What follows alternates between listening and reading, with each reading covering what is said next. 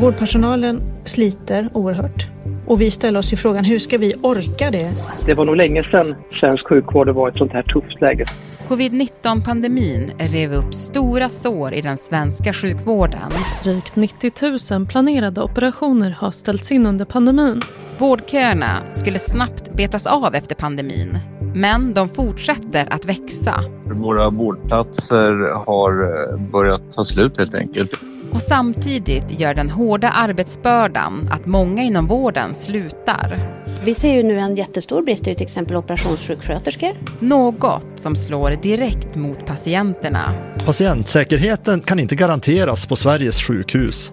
På en kvart får du veta varför så många sjuksköterskor lämnar sitt jobb. Och varför lasarettet i Alingsås är ett exempel som går emot strömmen. Det är måndag den 8 maj. Det här är Dagens Story från Svenska Dagbladet med mig, Alexandra Karlsson. Och idag med Fredrik Mellgren, reporter som bevakar sjukvården för SvD.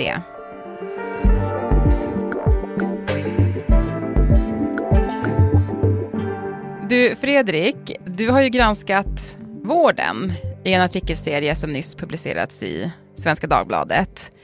Vad tar du med dig från den? Ja, det är nog det uppenbara, liksom, vikten av att ha personal. Alltså, och det är, ju, det är ju liksom ingen nyhet hur viktiga de är. Men när man rotar i, i material och ser siffror och så, så inser man ju hur, alltså är de på plats, då funkar det ofta hur bra som helst. Är de inte på, på plats, då kan det sluta väldigt illa ibland. Mm. Och anledningen till att du gjorde den här serien, det handlar om att du ville kolla hur sjukvården såg ut efter pandemin. Mm. Det är ju väldigt nära, men det känns ändå ganska länge sedan som pandemin var här. Kan du bara ta oss tillbaka? Alltså hur påverkade pandemin svensk sjukvård? Ja, med rätta så påverkar den ju väldigt mycket. Alltså man var ju tvungen att ställa om sjukvården och prioritera om. Det var ju covidvården som fick gå i första rummet, liksom intensivvården, den eh, all akut verksamhet och sen cancersjukvården. Det var ju det man skulle prioritera och det var helt rätt prioritering. Men det fanns ju en förlorare på det här och det är ju då den planerade vården. Med operationer som man var tvungen att ställa in och även massor med, med läkarbesök. Så att det är ju de som har fått på ett sätt betala priset för pandemin. Men vad har hänt sedan dess då? För nu har det ju inte varit samma tryck på vården när det gäller just eh, covid. Nej, den har ju klingat av nu. Eh, och man skulle väl ha trott att vården hade repat sig, liksom återhämtat sig nu då, men så har det ju faktiskt inte blivit. Eh, vi har 180 000 personer i olika operationsköerna och vad jag vet så är det rekord. All time high. Det kan vara någon strövecka här och där när det har varit fler, men, men generellt liksom väldigt, väldigt många. Och för att förstå liksom hur det hänger ihop så kan man tänka sig en, en helt normal vanlig höstvecka 2019, alltså före pandemin, och jämföra den med en vårvecka nu här i år. Och då är vi bara uppe i ungefär 95 procents operationskapacitet. Alltså det produceras inte lika många operationer som det gjorde då. Och så länge som det ser ut på det viset, då bygger vi ju nya köer. Mm. Vi måste ju upp i 100 procent bara för att hålla jämn takt. Och helst upp i 105 procent för att riktigt kunna börja beta av köerna. Men varför då? Varför ser det ut så här? Ja, då är vi tillbaka till personalen igen. IVO hade ju, kom ju med en rapport här i början av året mm. där de hade granskat 27 olika akutsjukhus i, i, i, landet. Och det är Inspektionen för vård och omsorg? Just det, mm. exakt. Och deras eh, slutsats var ju väldigt, väldigt dyster. Det är bland det mest svarta, eh, den största sågning jag sett av svensk sjukvård egentligen. Man sa ju ganska tydligt att här finns risker för patientsäkerheten det är till och med så att man riskerar inte bara att skada sig utan det är risk för dödsfall dessutom. Och vi ska bara betona då Fredrik, att du säger det, du har ju bevakat sjukvården hur länge som helst, så att även du blir chockad, det säger någonting. Ja. Ja. Eh, och då är det ju bristen på personal som det, det kokar ner till. För den leder ju till i sin tur då att vårdplatser är stängda eller obemannade och att man har långa köer på akutmottagningarna. Där händer det ibland att man eh, som ett exempel centrallasarettet i Växjö visade, så skickar man hem ibland patienter alldeles, alldeles för tidigt till det som de kallade då ohållbar hemsituation. Vad är det då? Ja, det kan vara att det finns inga anhöriga som, som eh, kan komma och kolla, kolla upp vad, hur, hur det går. Eh, att man bor ensligt någonstans i någon stuga en bit utanför tätorten och, och, och så. Eh, så det, det är ju verkligen någonting som vården ska undvika att göra. Man skickar hem folk som inte har ett, någon som tar hand om dem helt enkelt. De är för sjuka. Exakt, Ja. de borde läggas in istället. Ja men exakt. Och, och som du var inne på där i början, det handlar ju om personal. Alltså att det är brist på personal. Eh, och en sak som har skett då, det är att många sjuksköterskor helt enkelt har sagt upp sig, lämnat vården. Så är det. Mm. Och du har pratat eh, med några av dem. Jag tänkte vi kunde lyssna på, eh, på en som du har pratat om som heter Cecilia och hon förklarar vad hon anser är problemet. Jag upplever i alla fall att vi som personal åt regionen, vi är inte uppskattade eller värda någonting. Vi får inget gehör när vi säger att vi orkar inte jobba på det här sättet. Och vi får inget gehör heller när vi säger att arbetsbördan på dagarna blir bara högre och högre. Eftersom att allt fler personal säger upp sig. Vi är då ett mindre antal personal som ska göra samma antal undersökningar. Vi har inte möjlighet att påverka vår arbetsmiljö eller vår lön. Ehm, Det finns inget utrymme för dialog, utan jag upplever det mer som att det är en monolog från arbetsgivaren, att det här är vad som gäller. Ja, men du Fredrik, det här är ju väldigt svidande kritik som hon kommer med här. Verkligen. Mm. Eh, hon är ju på kornet här att det, man som personal eh, inte kan påverka vare sig schema, ännu mindre sin lön eller eh, liksom arbetsvillkoren på, på, på det ställe där man håller hus. Eh, och, och, eh, det kanske man kan klara under kortare perioder men i, i längden så är det ju liksom ohållbart. Hur ser den här personalbristen ut, Fredrik? Ja, den finns ju överallt, men eh, den får ju störst effekter på vårdavdelningarna därför att det är ju en verksamhet som ska fungera dygnet runt. Där ingår ju då eh, helger och nätter och, och kvällar. Och eh, det är ju ett hårt slit för personal att, att ofta jobba helger och så. Och då söker de sig ofta till mottagningar istället. Där man kanske jobbar från 8 till 17 och sen går man hem och så är jobbet klart. Det är ingen risk att man blir inringd. Men det är ju risken att man behöver ta då på, på, på en vårdavdelning. Många som, som lämnar, lämnar och kanske hamnar på, ja, man är på en vårdcentral eller man är på ställen där det inte är jour eller Exakt. Eller så jobbar man deltid. Det är väldigt, jag tror det är 40 procent av de yrkesverksamma eh, sjuksköterskorna som jobbar deltid. Det finns ju många anledningar till, till att sjuksköterskor framförallt då lämnar vården. Och, eh, jag var i Växjö och träffade bland annat Hanna som, som, som berättade om varför hon hoppade av. Jo, jag slutade för att eh, jag hade en kombinationstjänst som var att jag behövde jobba både på mottagning och avdelning och jag ville jobba bara på mottagning och jag ville inte jobba var tredje helg och nätter. För att det funkade inte riktigt i mitt privatliv just då.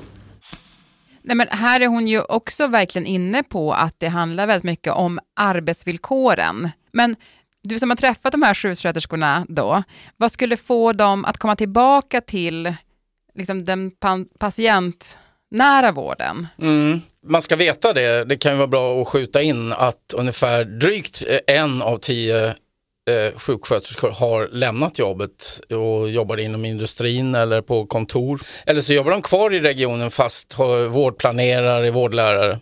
Nej, alltså, eh, jag tror att nyckelordet är delaktighet. Va? Att, de, att man känner att man kan påverka eh, sin arbetssituation. Det är, det är liksom det det handlar om. Sen ska man komma ihåg att, att vården är väldigt hierarkisk. Den är ju uppbyggd ungefär som försvaret, militären. Där i, i vårdens fall då chefer och läkare de bestämmer hur jobbet ska göras och sen får sjuksköterskorna och undersköterskorna liksom bara finna sig i det.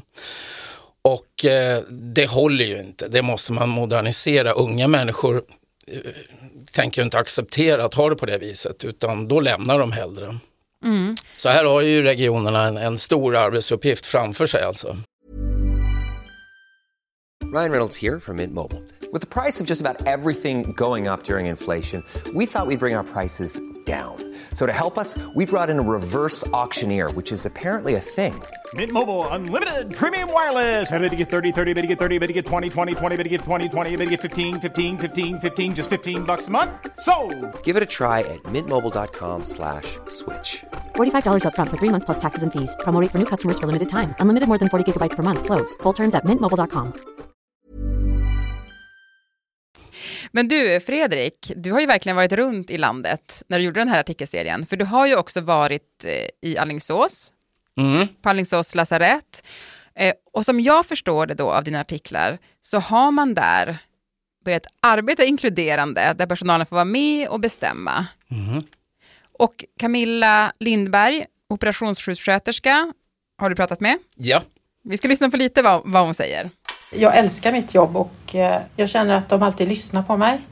Och vill jag utveckla någonting så finns det alltid möjlighet att få pröva. Vi tar hand om varandra här, vi lyssnar på varandra och är måna om varandra att vi mår bra här på avdelningen. Vad är det de gör här då, Fredrik? Vi, vi ska ha klart för oss att det här är operationsavdelningen på, på, på lasarettet där i Alingsås. Så det är inte hela sjukhuset. Men på operationer så jobbar man ju i lag. Det har man alltid gjort. Men här har man liksom tagit ett steg vidare och eh, låter alla från undersköterskan till den, den eh, kirurgen helt enkelt sitta ner och diskutera hur tar vi bort tidstjuvar, vem eh, ska göra vad, hur kan vi hjälpas åt? Och bara en effekt av det är ju då att för några år sedan då hann man med ungefär två galloperationer på ett dygn. Nu gör man sex. Oj, jättestor skillnad. Ja det är det. Och det, alla gillar det. Det är inte så att man känner att, att det här är ett extra hårt beting eller så. Man vill göra så här man, och man är stolt över det. Men du, en annan sak som de gör här, Fredrik, som jag förstått det, det är ju att de till varje pris försöker undvika hyrpersonal. Ja. Varför är det viktigt? Hyrpersonal kan verkligen behövas för att täcka upp väldigt speciella luckor som finns i bemanningen, absolut. Men att sätta in dem generellt som lösning på, på att man eh, som region inte kan rekrytera och behålla den personal man har, det är inte rätt lösning. På arbetsställen där man både har inhyrd personal och ordinarie, där blir det ofta dålig stämning helt enkelt. Och det är ju inte så konstigt egentligen när man vet då att, att eh, en del jobbar och får dubbelt så mycket betalt som den ordinarie personalen. Men jag tänkte då, eh, det här exemplet då från operationen i Alingsås, ett positivt exempel som du tar upp, de där är väldigt nöjda. Alltså, skulle det här funka att göra då över hela landet? Är det så enkelt? Alltså jag tror inte att det är så att man bara kan copy and paste här. Det, det tror jag inte för att det skiljer enormt mellan ett litet sjukhus som Alingsås då och stora Södersjukhuset. Alltså det, de har helt olika uppdrag och olika förutsättningar. Men det finns ju vissa saker man kan ta med sig och där är ju Alingsås faktiskt ett bra exempel och det är ju Nej men på Alingsås lasarett har man ju varit duktiga på att, att liksom backa upp de här eldsjälarna och eh, lyhörda chefer som, som vill låta personalen styra över sin arbetssituation. Mm. Ja, men för till sist Fredrik så är det ju politikerna som Ja, styr sjukvården. Mm. Hur intresserade är de då av att ändra den här hierarkin eller liksom lösa den här problematiken? Ja, de borde ju vara det. När det ser ut som, som, som det gör. Alltså, och det, det, det är ju helt rätt att lägga ansvaret i deras knä. Vi har en, som tur är skulle jag säga, en politiskt styrd sjukvård. Men då måste ju också ansvaret placeras rätt. Och det ansvaret har ju inte eh, regionpolitikerna idag. De har ju liksom underskattat den här frågan alldeles för länge och nu är det man väldigt, väldigt sent ute med att rätta till de brister som har, har visat sig. Det här kommer ta tid innan man kan reparera det här. Ja, men vad tror du kan hända framöver då? Det är nog eh, dystrare än vad jag trodde bara för ett tag sedan. Dels ska man ju komma ihåg att alla västländer har problem med bemanning inom eh, sjukvården och äldreomsorgen. Och sen är det ju en svinhård konkurrens om unga människor eh, med många andra branscher nu för tiden som inte var lika tydligt som förr i tiden. Det måste ju regionen och sjukvården lära sig att hantera, att, att unga människor söker sig inte till sjukvården på samma självklara sätt som man gjorde förr i tiden. Och det är därför som då exemplet Alingsås är väldigt, väldigt positivt. Mm. Tack Fredrik. Tack. Programmet idag producerades av Mattias Dellert, redaktör var Stina Fischer och jag heter Alexandra Karlsson. Vill du kontakta oss så mejla till dagensstory.svd.se. Och klippen i programmet kom från SVT, Aftonbladet och Sveriges Radio.